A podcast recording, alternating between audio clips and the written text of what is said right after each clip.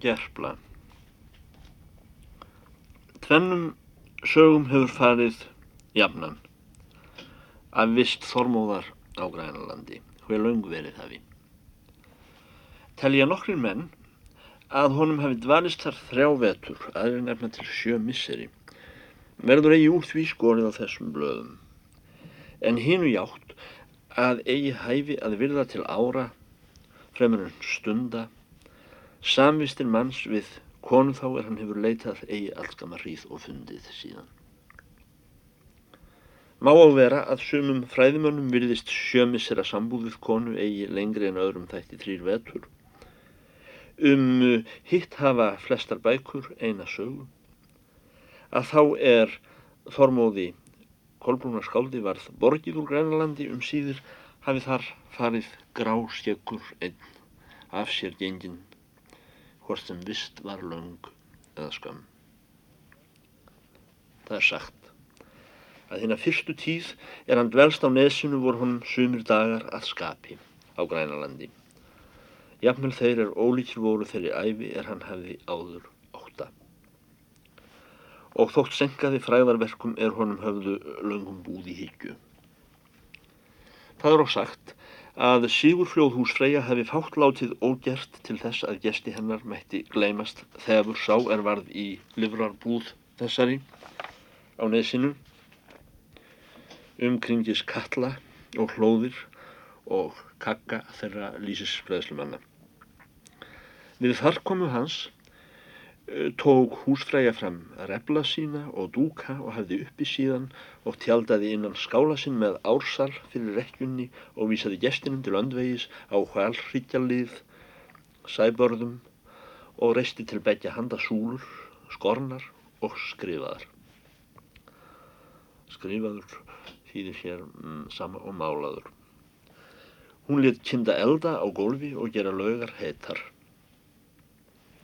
Og þá er menn byggust að sofa, velti húsfreyja stygglega til loðinstræls, segir að hann skal náttból hafa úti, með lísisfötum sínum eða í hrófum þar sem uppi hangir reyngi eða fiskar. Og ef hann vil það eigi þekkjast, skal hann hallast að steindísjum þar sem íldir voru foglar eða kæstir hákallar. Og þótti gestinum velsæma, er vetur fór að, þótt loðinþræll sá maður er líkt var lægin til hetjuskapar og skálda íþróttar, reysi úr sæti sínu nær dýrustaf og dragi húðfatt sitt í útibyrgi þá að náttaði að sofa meðal skarpra fiska og valþjósa. En þá er frálýður tekur Þormóðurskáld síki þá er byrjast af skorti lísumatar og mjög þrúaði flesta norræna menn og grænalandi og jógst og elnaði af kornlausri fæðslu. Er þeir fengu jafnvel ekki brauð af ótindu korni. En þá er þeir bökuðu nokkuð af viltum sáðum eða tugðu sandgrauta. Þá spiltust tenn þeirra og tókum en innansóttir langar með afleysi og meðurð og vissnan.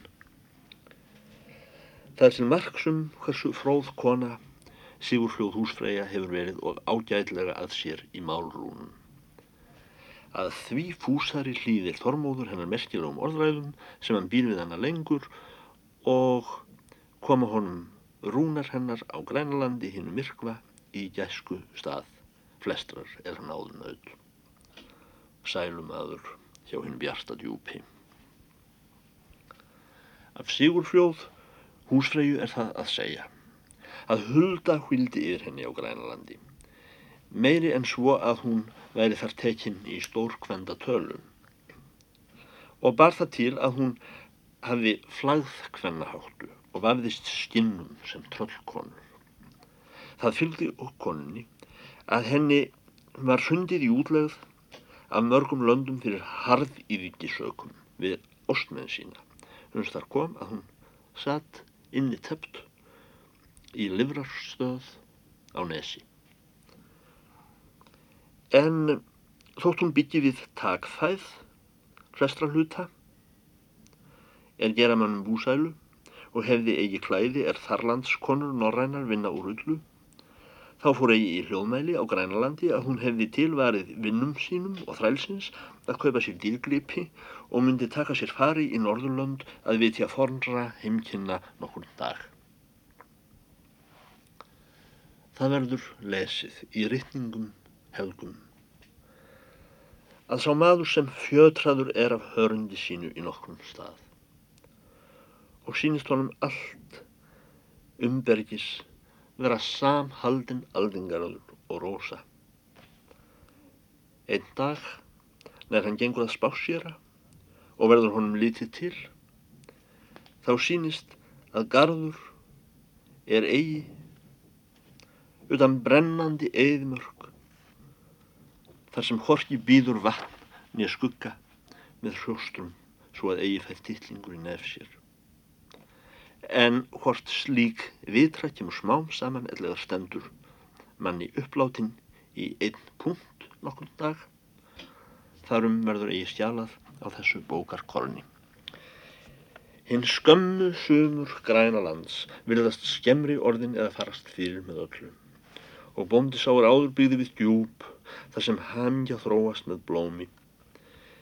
Heyrir rödd sín að spyrja í meðal kaldra kletta í Ánavík þar sem ekki blóm mun vaksa um aldur og æfi hví en eð hér.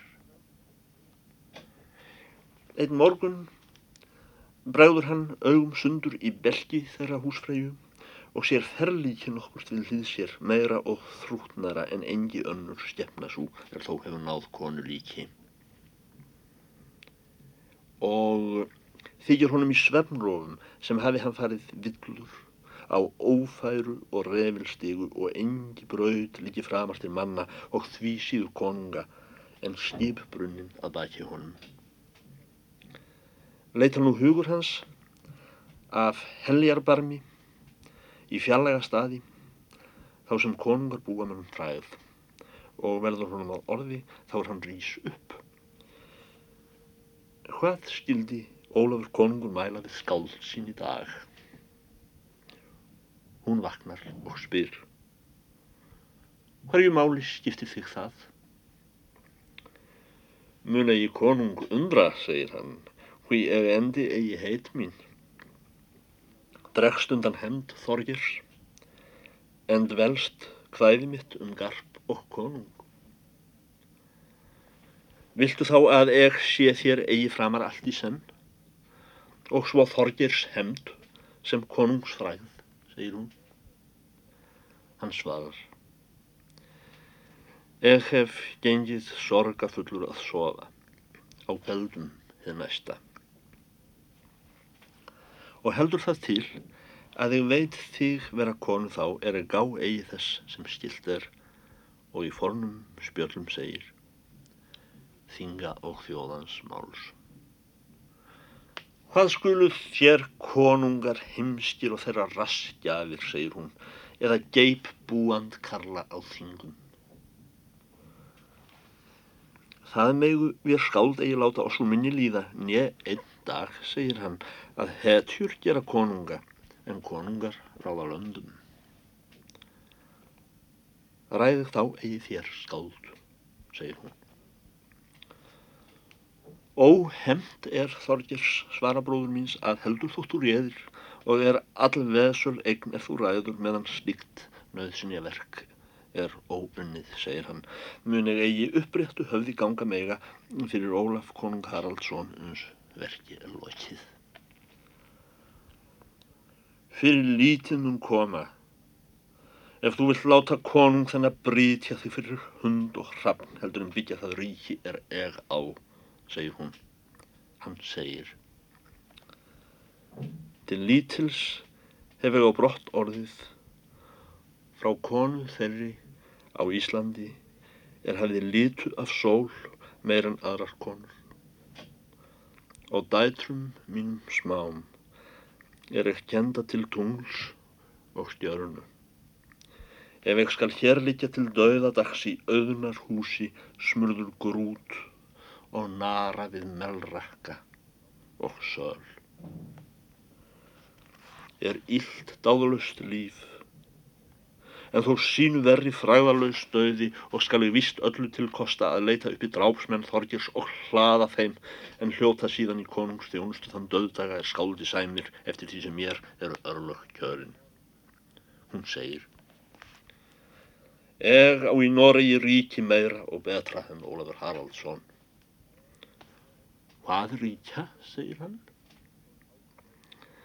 Það ríki sem er enn fleirum köpum stutt og ágætri að berjast fyrir mér ef ég vil, segir hún. Það vissa ég ekki áður, segir hann, að þú ættir garpa völ að berjast fyrir þér ef frá er stildur loðin þræll.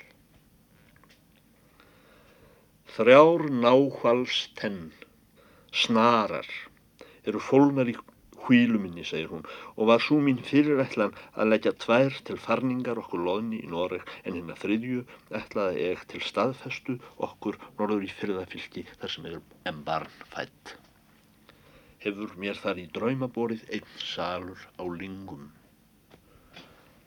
Það er að vísum mála sannast að loðin þrælminn er sá manna er við mig hefur ástumbundist af lengstri tryggð og á eg því vísari fyllt hans og þólmæði sem að gerist honum verri kona og þá fúsasta er reynumst honum verst. Er þar skemst frá að segja að ég hef aldrei ekki karlmann áttan honum betri, nýja munið eignast. Nú vil ég þér kost ágjera þormóður að þú gangir út og drepir á loðin þræl og munið fá þér vopn til. Síðan munum við bæði, eg og þú, eh, heimfara í Noreg og myndu þar reyna skulu hverjar stóðir standa undir mínu hásæti á lingum. Skaltu þá njóta töfra minna og verða frekstur öðrungur á Norðurlöndum. Hann segir Egi vil ég að þeim hlutum komast er við töfrum sér kiftir.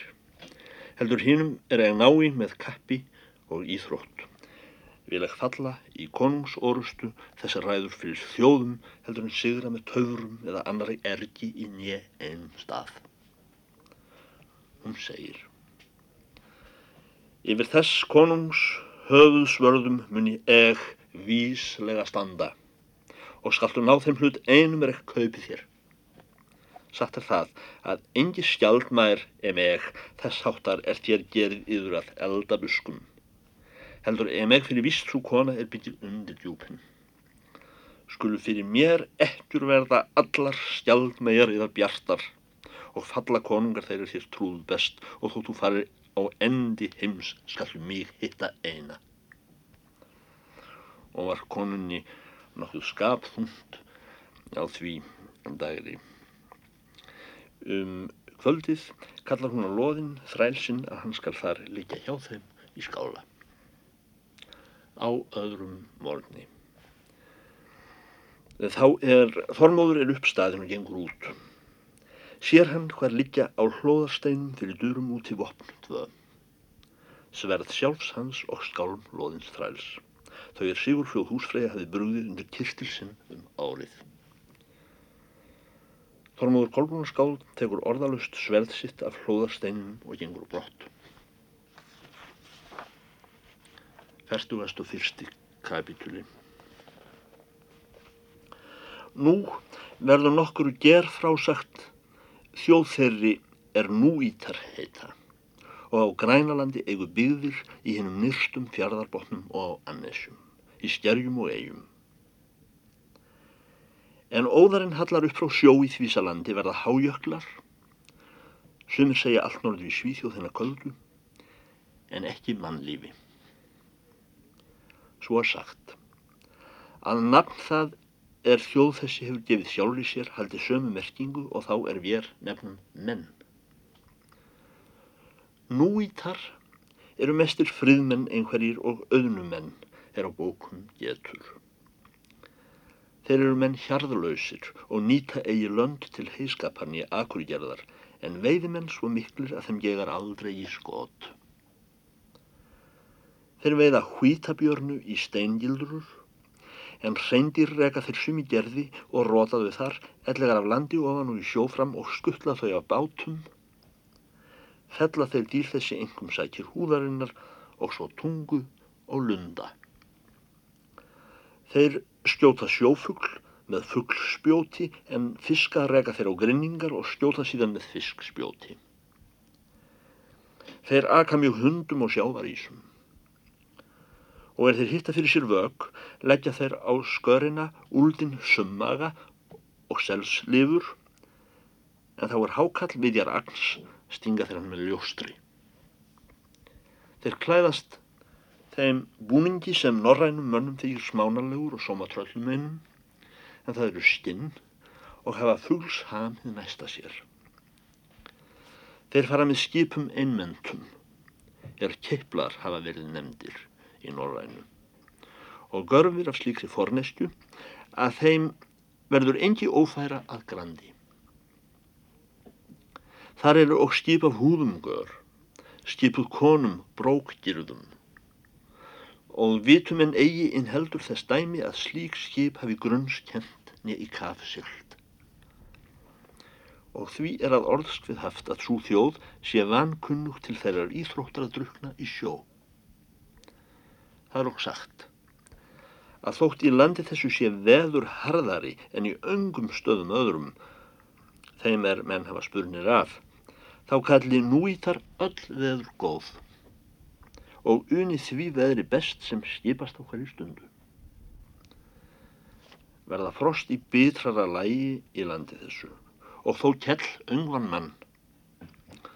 Stórsýður eru það langvinnar með þannburði og jarðbönnum og þó höfum við heilt þess engi dæmi að þar yrði maður úti að þeirri þjóð. Egi er jörðreiknuð höfðskefna með þeirri þjóð. En eld kalla þeir hodlvinn sinn næstan eftir þá guði er þeir trúa best. En það er bóndi sá að ræður fyrir tunglinu og móðir sjókindarinnar svo er ríkir í hafi. Er hún kona einhend. Það er haft fyrir satt. Að þótt nú í þar séu skitjar miklir það er að segja skittur góðar og veiðmenn þá megu þeir vart ógrátandi mannsblóð sjá. Skiljast þeim líkt öll og tildrættir þess. Er aðrar þjóðir starfa að manndrápum og bera eigi kjensla á þau verktólar morðfólk hefur til yðjusinnar á öðrum löndum Núítar hafa stórt hár blátt og eigi giska smá myndir.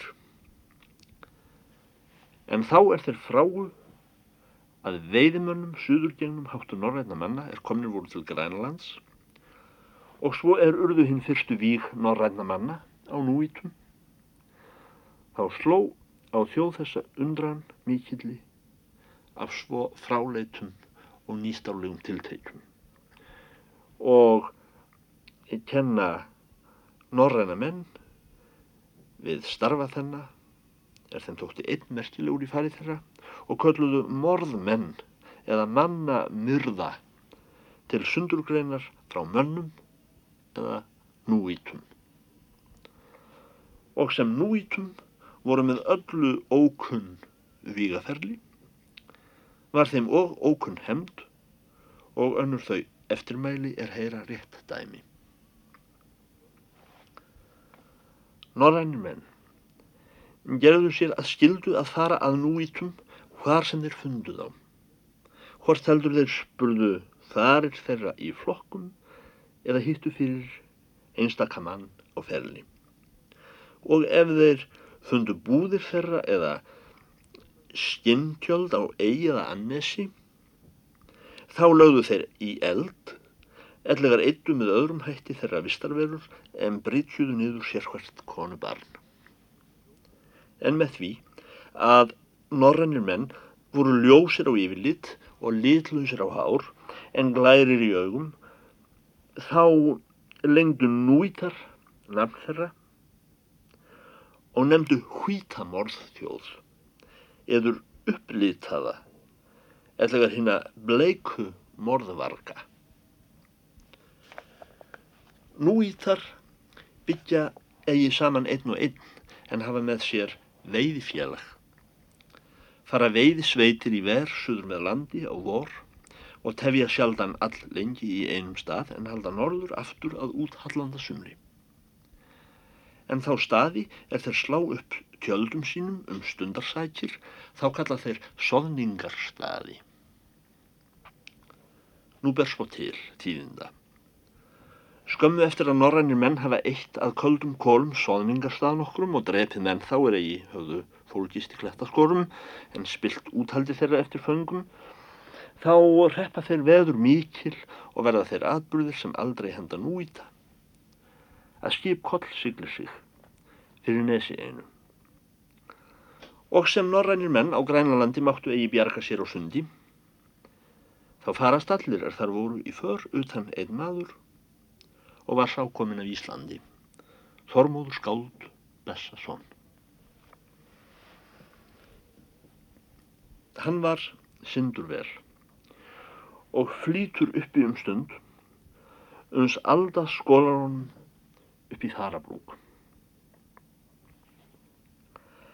Hann mátti þá eigi Björg sér veita utan æpa. Skömmu síðan lagði veðrið.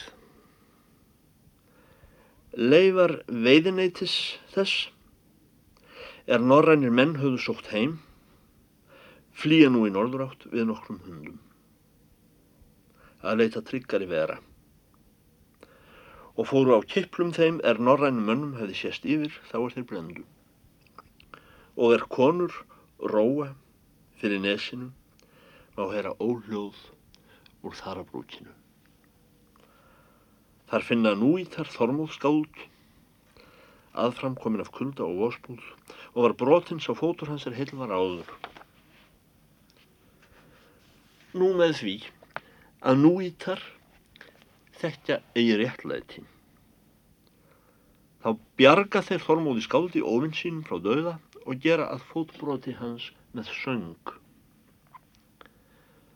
Þeir gáfu honum heitt selsblóð að drekka og þar til úldin fókl, fyrraðan, og láta sofa á honum hunda. Þar hafði og marga dauða menn reykið í þanginu förunauta þormóðus og komu núítar feitsel í munn þeim og báru síðan líkinn á kletta. En þótt brjóstgæði þjóðar þessarar mætti meira en viska og þekking, þá dilst þeim að yfir hverjum voða er búið, er komin er meðal þeirra norðvargur, bleikur og jæmt þótt sjúkursi og raktur, þykjast að vita að nær sem af honum brái muni hann uppstanda og drepa þá og hverju sinni er þeir koma í nættur stað láta þeir hann liggja þeir næsta hundum og undir gæslu þeirra manna er þessi dýr embættuðu. En þá er náttaði góu mjög hundarnir en sumir bytust ákaflega og var heldur döfleg skemmtan í þessum stöðum. E, það þykist Þormóður vita að eigi ætti hann annars kost en fylgja gestgjöfum sínum hversu úrleiðist sem þeir færi en verða látin einn eftir ella bjargarlaus döðamadur í þessu eðalandi. Þá var að úthallandasumri. Nú taka þessu upp, bera á kvennaskip farangurallan, börn, nýborn og svo hunda, en karlar Þeir er nokkur mundang var að, fóru lausir hver í sínum kippli. Holfa þeir mjög kipplum sínum til að auðsýna konum ástir, svo að uppvissi kjölurinn lengi og var það gusteysi. Það þykir þormóð með fádæmum hver seinlátir menn voru þeirra hér stunduð á langferðir. Gaf þar engin gaum að dægra mundi, en allir sísast áfram Áþekkt þeirri þjóð er stundum bestmönnum í drauma. Öngum lág á, engi rak á eftir og sé á þormóð leiðsla að horfa á menn líða svo fram án anríki sem leki þar um, barnleika fremur en inni þarfa. var oftlega líðið nær kvöldi er skip voru á flótkomin og menn albúnir að leggja á. Þó þumlungast þeir með hverju dægri lengra til landnorðurs og fjarlægast byggðir norræna manna. En svo skammar dagleiðir höfðu þeir að þá að róið var fyrir neseitt um blá oddan og komið í hinn næsta fjörð, tóttust þeir hafa nóan farin á þeim degi og róa konur í land og taka upp farangur, börn og hunda og þormóð kolbrúnarskáld, baka báta sína og ráða til hunds, tjálta og gera soðning með æðrinni fyrirhöfn gista síðan. Ellegar röru innar eftir fylði hýði næsta landsteinum og stefna í fjardar botn, nátta sig þó eftir skaman róðum. Þessi þjóð fór æfinlega með löndum en kastaði aldrei sund millir nesja. Sigling var þeim ókunn. Og er þeir höfðu náð að koma í fjardarbotn eftir nokkura daga róður, hófst upp annar út með strönd hinum einn fjardar. Ef þeir komu í veiði sátu þeir nokkra daga um kyrt í soningarstað. Fyrir koma þeir drægi eða bæri skip sín, öll með farangri yfir eið bak gnúpi í annan fjörð.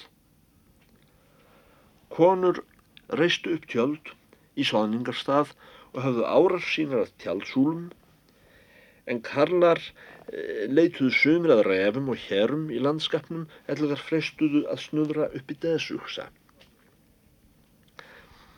en aðrir gáðu auða þeim í kikvöndum er byggja sjóin, sel, hval, rostungi og byrni. Þeir áttu sér byrgi með vistum í ymsum stöðum og skildu eftir hval og sel í soðningarstaði jafnan til að eiga vísan þá þeir kemi aftur eða aðrar veiðisveitir. En tenn og húðir höfður með sér og margt í spiki.